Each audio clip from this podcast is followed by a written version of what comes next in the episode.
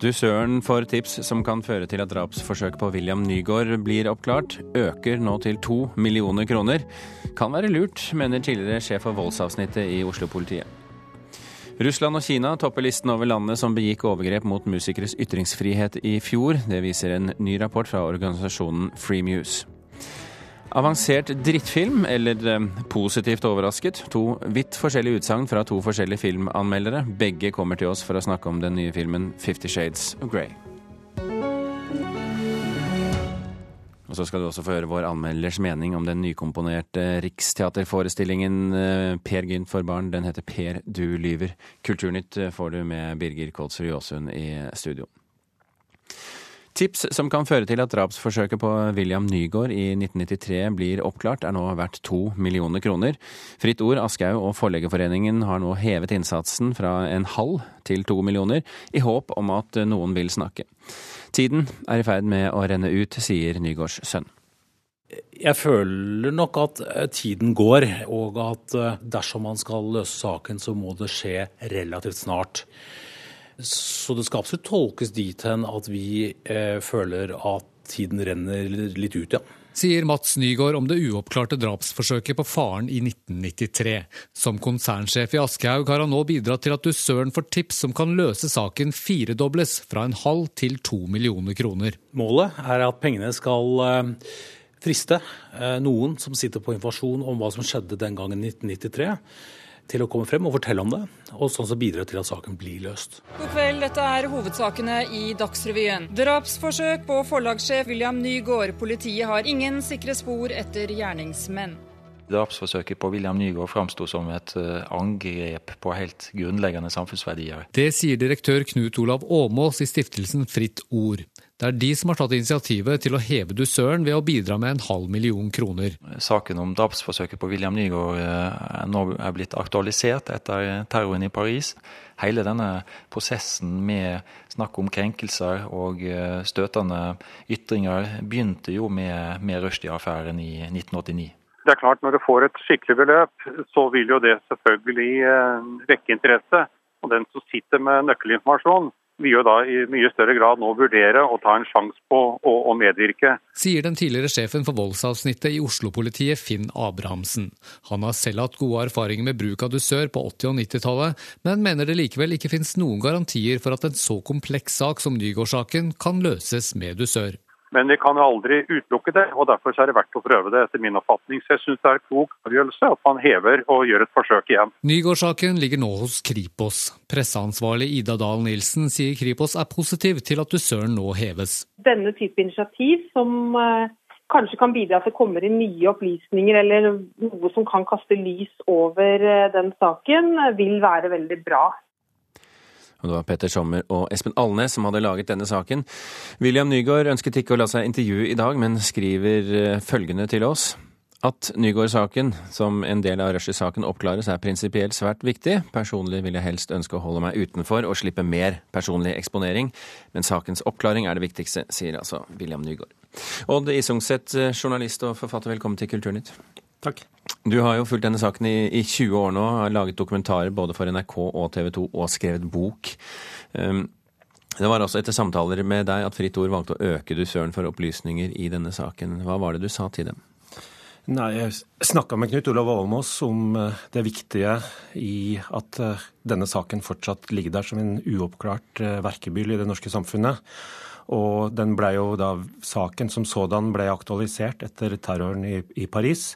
Og jeg tenkte at eh, kanskje var det på tide å pirke litt borti dette nå igjen. Er det nå eller aldri?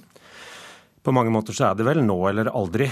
Eh, det har jo gått veldig, veldig mange år. Eh, samtidig så vet en at folk som sitter på kunnskap, folk som sitter på kjennskap, kanskje på et tidspunkt føler at det nå er det på tide å lette sin samvittighet.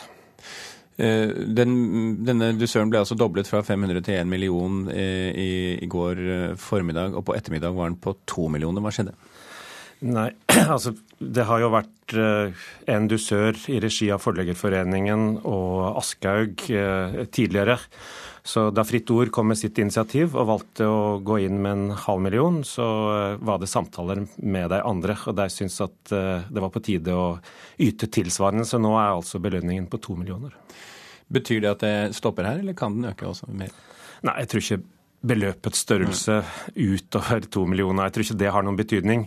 Det vesentlige nå er jo om det finnes noen der ute som eh, har behov for å fortelle noe som de har gått og visst lenge. Hvilke, hvilke forhåpninger har du til det, da? Det, som det, er vanskelig å si. I forrige runde, eh, da, altså for tre-fire år siden, eh, da det var et tipshonorar på totalt en halv million, så kom det jo en del tips til Kripos, men ingen som var avgjørende betydning. Eh, det kan jo tenkes at eh, tida nå har forandra seg, at noen ser på dette i et helt annet eh, perspektiv etter Charlie Hebdo, og at det kanskje kommer noen tips som kan få betydning. Vi veit jo aldri. Men De sterkeste teoriene er jo at dette drapsforsøket henger sammen med fatwaen fra Iran, altså, altså dødsdommen over Salman Rushdie og alle som ga ut boken 'Sataniske vers'. Også Rushdies forleggere i Italia og Japan ble utsatt for attentat. Er du helt sikker på at disse sakene henger sammen? Helt sikkert kan den aldri være, men eh, alt tyder jo på at disse sakene henger sammen. Hvor står saken nå, da, etterforskningsmessig? Den har vært under etterforskning hos Kripos. altså Den ble gjenopptatt i 2009, eh, så den har vært i etterforskning hos Kripos i fire og et halvt år. Um, hvor, hvorfor har ikke denne saken blitt løst? Det er et godt spørsmål. Eh, det var jo en eh, fase rett etter at det hadde hendt, altså i 1993, som besto av en relativt eh, intensiv politietterforskning. Og så førte ikke det fram. Jeg har karakterisert mye av det som skjedde da som relativt dårlig politiarbeid. Så blei den henlagt i 2007. Den hadde en aktiv fase igjen i 1998, det ble henlagt i 2007. Og så bestemte Riksadvokaten øh, at den skulle gjenopptas i 2009. Um, om de nå kan finne fram til et eller annet, om den kan finne sin løsning, det aner jo ingen. Men jeg syns det er verdt å snu alle steiner i denne saka. Og nå er altså dusøren oppe i to millioner kroner. Takk skal du ha, Odd Isvangseth, for at du kunne komme til Kulturnytt. Minner også på da om at uh, kronikken til uh, Isvangseth uh, er skrevet for nrk.no ytring, og du kan finne den der hvis du går inn.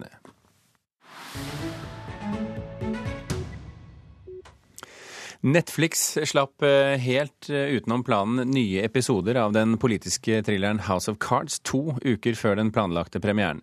Den tredje sesongen var plutselig tilgjengelig for abonnenter av strømmetjenesten i går kveld. Grunnen var en teknisk feil, ifølge Netflix. De nye episodene ble fjernet etter 20 eh, minutter. I dag starter dragkampen om hvem som skal finansiere norsk film- og TV-produksjon. Kulturminister Toril Vidvei har bl.a. invitert NRK, TV 2, aktører fra filmbransjen og nettleverandører til et møte i dag. Strømmetjenestene Netflix og HBO var også invitert, men de deltar ikke. Vidvei har foreslått å innføre en strømmeavgift for å bøte på de tapte inntektene fra dalende DVD-salg. I går kveld var det verdenspremiere på Fifty Shades of Grey under filmfestivalen i Berlin. På pressevisningen ble filmen møtt med høylytt latter fra salen, men da stjernene gikk opp den røde løperen senere på kvelden, var det ville fans som dominerte. Horder av Fifty Shades of Grey-fans hadde møtt opp for å få et glimt av stjernene før verdenspremiera på filmen i Berlin i går kveld. Filmen, i likhet med bøkene, har fått blanda mottaking, og det er helt greit at ikke alle liker filmen. Det sa Jamie Dornan, som spiller den mannlige hovedrolla Christian Grey, før premieren. It seems that it's to a lot of people's taste. You know, a hundred million people it's hard to argue with um, in terms of the books, but um, there'll be people who, you know, have an opinion of it before it comes out, and well, you can't stop that. That's their prerogative. Regissør Sam Taylor Johnson sier hun ikke har lest det som er skrevet om filmen, og de som prøver å fortelle om hva som står i filmmeldingene, får beskjed om å holde munn.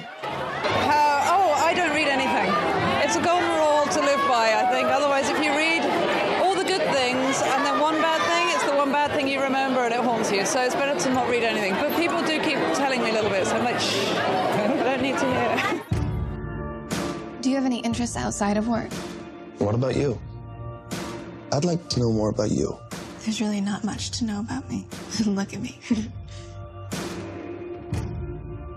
I am. I filmen innleier hovedpersonene et seksuelt forhold der han får henne til å skrive under på at hun skal underkaste seg han. Det har varsla protester mot filmen, både i Norge og utlandet. De mener bøkene og filmen forherliger vold mot kvinner. Men Taylor Johnson blåser av kritikken, og mener at de som vil demonstrere, ikke har forstått hva det hele handler om.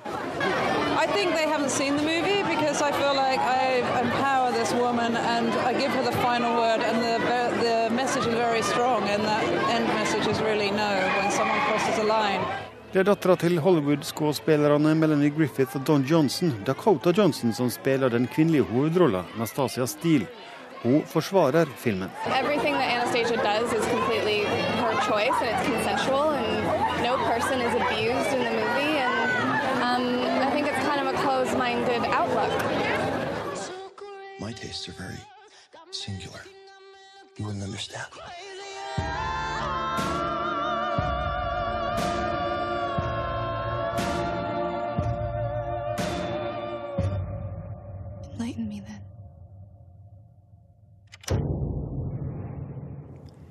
Reporter i denne saken, det var Espen Alnes.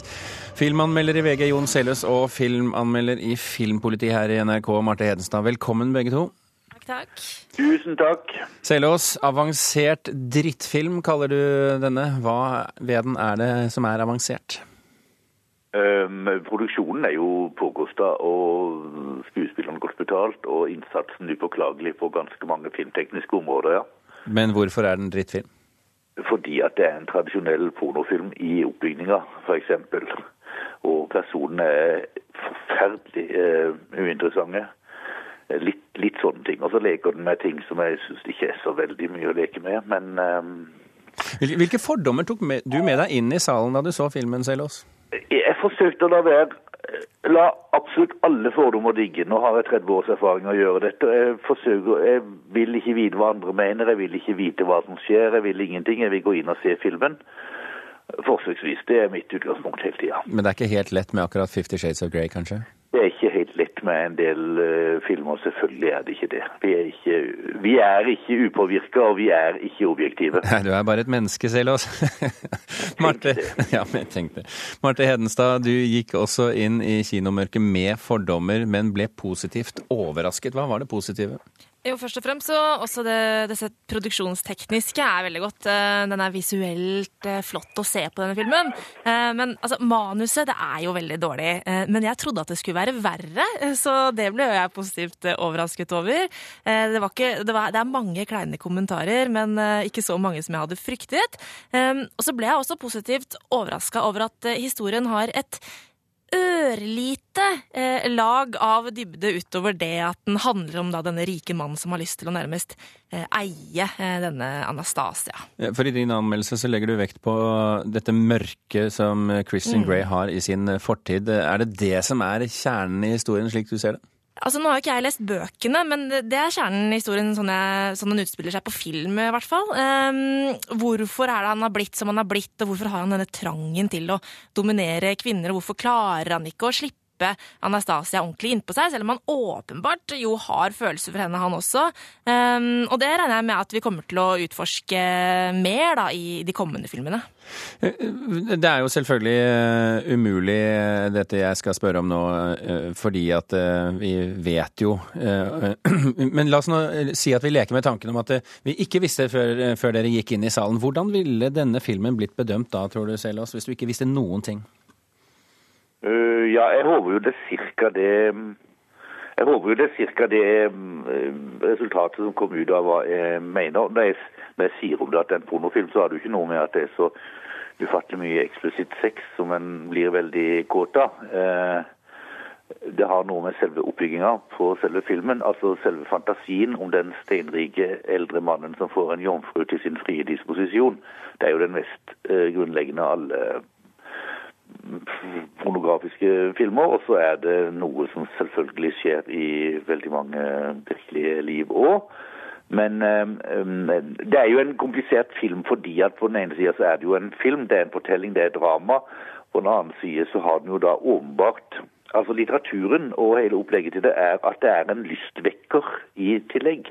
Og det har, det har den òg felles, felles med pornografi. Eh, Hvis vi gir deg samme oppgave, Hedenstad, og later som om det går an å gå inn i salen uten å være, øh, skal vi si, ha med sine fordommer, hvordan tror du filmen ville blitt bedømt isolert sett? Jeg tror nok da folk kanskje ville stussa over uh, filmens lange sexscener og, og tenkt er dette, er dette virkelig nødvendig for å fortelle historien? For, for, det er det jo ikke. De er jo lagt inn for å tilfredsstille fansen av bøkene som har en forventning til hva de skal komme og se. Sånn at hvis man ikke hadde visst noen ting om filmen på forhånd, så tror jeg man ville synes at det var veldig rart. Det er altså en trilogi, dette her. Litteraturen eh, gir oss tre bøker. Eh, det skal etter alt å dømme bli tre filmer også. Hva kan vi forvente, Hedenstad? Uh, nei, hva er det vi kommer til å få se? Jeg tror nok at vi kommer til sagt, å få utforske mer uh, om dette med Christian Grey og hans mørke fortid. Uh, men så er jeg også litt redd for at filmene kanskje kommer til å bli ja kanskje mer kvinnefiendtlige. Eh, hvordan det utvikler seg videre. Eh, det har jo fått en del kritikk på forhånd som jeg mener at ikke trenger å komme mot filmen. Eh, det er ikke kvinneundertrykking i filmen slik jeg ser det. Men hvis dette skal eskalere, så kan det hende at det, det kommer til å bli mer av det i de kommende filmene. Hva forventer du selv oss? Ja, mer, uh, ja, mer avansert, jeg ligger med vreden, med mer avansert sex. Um, og det for så vidt kan være greit nok. Uh, det vil jo være morsomt om uh, Christian Grey ble en person som var verdt å interessere seg for. Det er han stålblankt fri for i første film. helt til slutt, folkens. Unnskyld. hva var terningkastet i VG i dag, Selås? To. Hva var terningkastet i Filmpolitiet Hedestad? Der trilla jeg firer på terningen, vet du.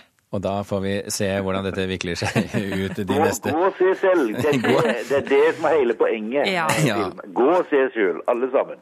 Ja, men det er fint. Vi lar det være den siste oppfordringen. Jon Selås og Marte Hedenstad, tusen hjertelig takk for at dere var med i Kulturnytt.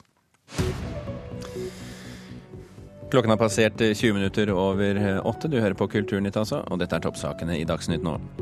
Toppmøtet i Minsk er slutt etter en natt med forhandlinger. Det statseide russiske nyhetsbyrået RIA melder at det skal være enighet om en våpenhvile i det krigsherjede Øst-Ukraina. Nedrustningen av det norske forsvaret har gått for langt, mener tidligere offiserer. Tidligere forsvarsminister Bjørn Tore Godal er ikke enig, og sier Forsvaret ble bedre etter forsvarsreformen. Og president Obama ber Kongressen om fullmakt til å føre krig med, mot eh, IS i Syria og Irak i inntil tre år. Russland og Kina topper listen over landene som begikk overgrep mot eh, musikeres ytringsfrihet i fjor. Det viser en ny rapport fra organisasjonen Free Muse. I fjor ble totalt 90 angrep av ulike slag registrert mot eh, musikere pga. deres kunstneriske virksomhet.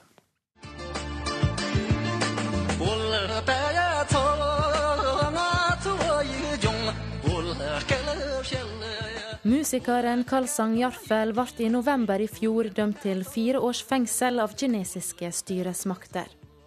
Han er en av flere musikere i Kina som blir straffa for å snakke, eller snarere synge, tibetanerne si sak. Og for andre året på rad er Kina blant landene med flest rapporterte tilfeller av angrep på musikeres ytringsfridom, forteller leder i organisasjonen Free Muse, Ole Reitov. Det som utmärker sig är en eh, systematisk förföljelse av minoriteter och eh, då är det framförallt tibetanska minoriteten. Det är nästan livsfarligt att yttra sig om eh, rett rätt till att ha sin egen kultur, sin egen språk, sin egen musik. Och därför fängslar Kina systematiskt tibetanska musiker som pratar om tibetansk kultur. Reitov i Freemuse jobber for ytringsfridommen til musikere over hele verden, og kartlegger hvert år ulike typer politisk motiverte angrep mot musikere. Fra drap, angrep, fengsling til sensur. I 2014 er det registrert 90 slike tilfeller, mot 109 året før. Det er Russland som topper lista, med 15 registrerte tilfeller. Trass dette er nok situasjonen langt verre andre steder. Och eh, i de länderna som eh, är påverkade av eh, krig, till exempel norra Mali, Syrien och många andra platser, då är det eh, mycket större siffror vi talar om. Så därför så ska man vara väldigt försikt, försiktig med statistiken. Vi kan bara i en statistik skriva in vad som är eh, möjligt att dokumentera. Och man kan omöjligt dokumentera hur många musiker som hotas av Taliban eller rövarband på olika platser som kommer fram med en Kalashnikov och säger om du fortsätter med det här svineriet så kommer vi mörda dig. Så effekterna är långt större än det som statistiken visar. Oui, oui, oui. Oui,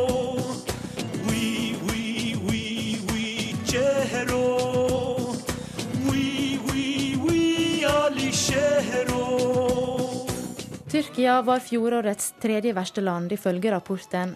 Men en dom fra Den europeiske menneskerettsdomstolen denne veka kan gjøre situasjonen til én musiker litt lysere. Ferhat Tunf ble i 2003 dømt til tre måneders fengsel samt bot for ytringer han framførte på en konsert. Men talen fra domstolen tirsdag var klar. Tyrkia brøt flere paragrafer i Den europeiske menneskerettskonvensjonen. Nå er håpet at dette vil legge press på tyrkiske styresmakter til å endre praksis, og la musikerne ytre seg friere.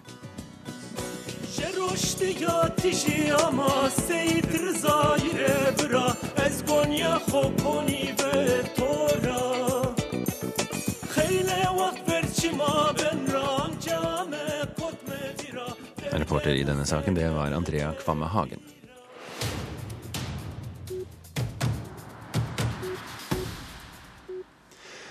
Har du noen gang lurt på hvordan Per Gynt var som tiåring? Hva som gjorde at han ble til den han ble? Det forsøker Riksteatret å finne ut i barneforestillingen Per, du lyver. Forestillingen hadde Oslo-premiere i går, og om en uke starter turneen landet rundt, og den starter på Lillehammer. Karen Frøsland Nystøl, teaterkritiker her i NRK. Hvordan var Per som tiåring? Han var en skrønemaker. Eh, dramatiker Toril Solvang, som har bearbeida Ibsen skuespill til denne forestillinga, Per du lyver, hun har skrevet fram en Per som ikke helt passer inn noe sted. Han, eh, han skiller seg ut, han er ensom, han ønsker å få seg en venn. Det har han foreløpig ikke, så han, han lar fantasien løpe av med han, fordi Per har det ikke så greit hjemme. Far er borte vekk. Mor eh, har det heller ikke bra. Og Per bærer på veldig mye forskjellig som, som, han prøver å finne ut av. Han prøver å finne ut av hvem han egentlig er. Og um, det leter han etter en stund. Solveig finner han, og han finner seg sjøl. Sånn er det når Ibsen fortelles. Og, og, og, mange andre elementer kjenner, vil vi også kjenne igjen fra, i, i denne forestillingen fra selve Per Gynt. Du skal få høre litt her. Rappe! Hei, hei, hei! Det er jeg som er Ingrid,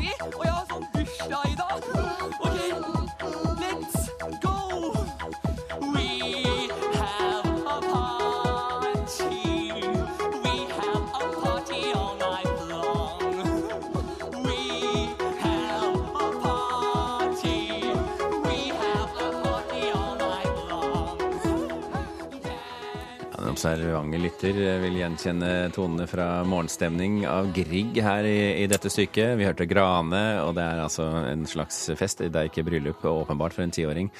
Hvor mye av Ibsen er egentlig bevart her? Rammen i fortellinga er bevart. Det er ikke et bryllup på Hegstad gård, det er jo bursdagen til Ingrid. Men i samme bursdagen så blir Ingrid sammen med Mats, men hun blir òg litt sammen med Per. Så vi har, vi har egentlig handlingsgangen fra Ibsens Peer Gynt ganske, ganske intakt. Men dette er Ibsen på barnet sine premisser. Og mest av alt så er det egentlig en allmenn historie om ensomhet og om, om vennskap. Og det spørsmålet forestillinga stiller, det er ja, Per lyver, men hvorfor lyver Per? Og det er det de prøver å finne ut av. Per har det ikke bra, og Per trenger faktisk hjelp. Så når Begriffenfelt kommer, så er han en representant for Barnehjelpen, eller barnevernet, som sier at du, Per, og Åse, dere må bo fra hverandre en stund. Åse trenger å komme til hektene igjen. Og det er, det er en veldig, veldig fin scene, Begriffenfelt, spilt av Espen Mauno. Den, den, setter seg veldig godt mot slutten av første del av stykket. Og det at Barnehjelpen kommer, gjør noe med Per. Etter det så, så ordner ting seg for han til slutt, og han finner seg sjøl, og han finner venner. Det, men, men dette får jo et anstrøk av litt sånn uh, klein sosialrealisme oppi det hele. Nei, syns du det? Dette, dette, er, dette er jo en innføring i verket Per Gynt for barn, og som voksen så sitter jeg der og tenker at eh, her viser noen meg Per Gynt, eh, og jeg kan se det med litt, litt friske øyne. Eh, For det er, det er mye å kjenne igjen, og det, det på ingen måte Det gjør ikke den opprinnelige Per Gynt-historien dårlig på noe vis, men det kan sikkert være utfordrende å se. Som vi hørte i musikken, så er jo det langt unna eh, Grieg og, og det uttrykket i den klassiske musikken, men det er laga for en tiåring. Og utfordringen må i så fall også være der for skuespillerne. Ja, eh, dette er et veldig ungt skuespillerteam. Mange av de er relativt ukjente navn, og mange av de er utdanna ved Høgskolen i Nord-Trøndelag. Det er fascinerende å se hvor god timing det er mellom skuespillerne, og hvor energisk dette spillet er. Det er så å si ingen dødpunkter, og alle synger. Alle spiller to-tre instrumenter på scenen samtidig. Det er en ganske stor riksteateroppsetning. Er det en god forestilling? Vil barna like dette? Og hvilke barn? Liksom? Det er en eh, god forestilling. I stor grad så lykkes Riksteatret med denne oppsetninga av Per Gynt. Det, det vil alltid være sånn at når voksne skal spille barn, så vil mange voksne tilskuere tenke dette er litt karikert, men for en tiåring så er dette midt i blinken, tror jeg. Karen Frøsland Nysølv, tusen hjertelig takk for at eh, du kom hit i Kulturnytt. Frode Storshaug, eh, Andrea Kvamme Hagen og Birger takker for følget.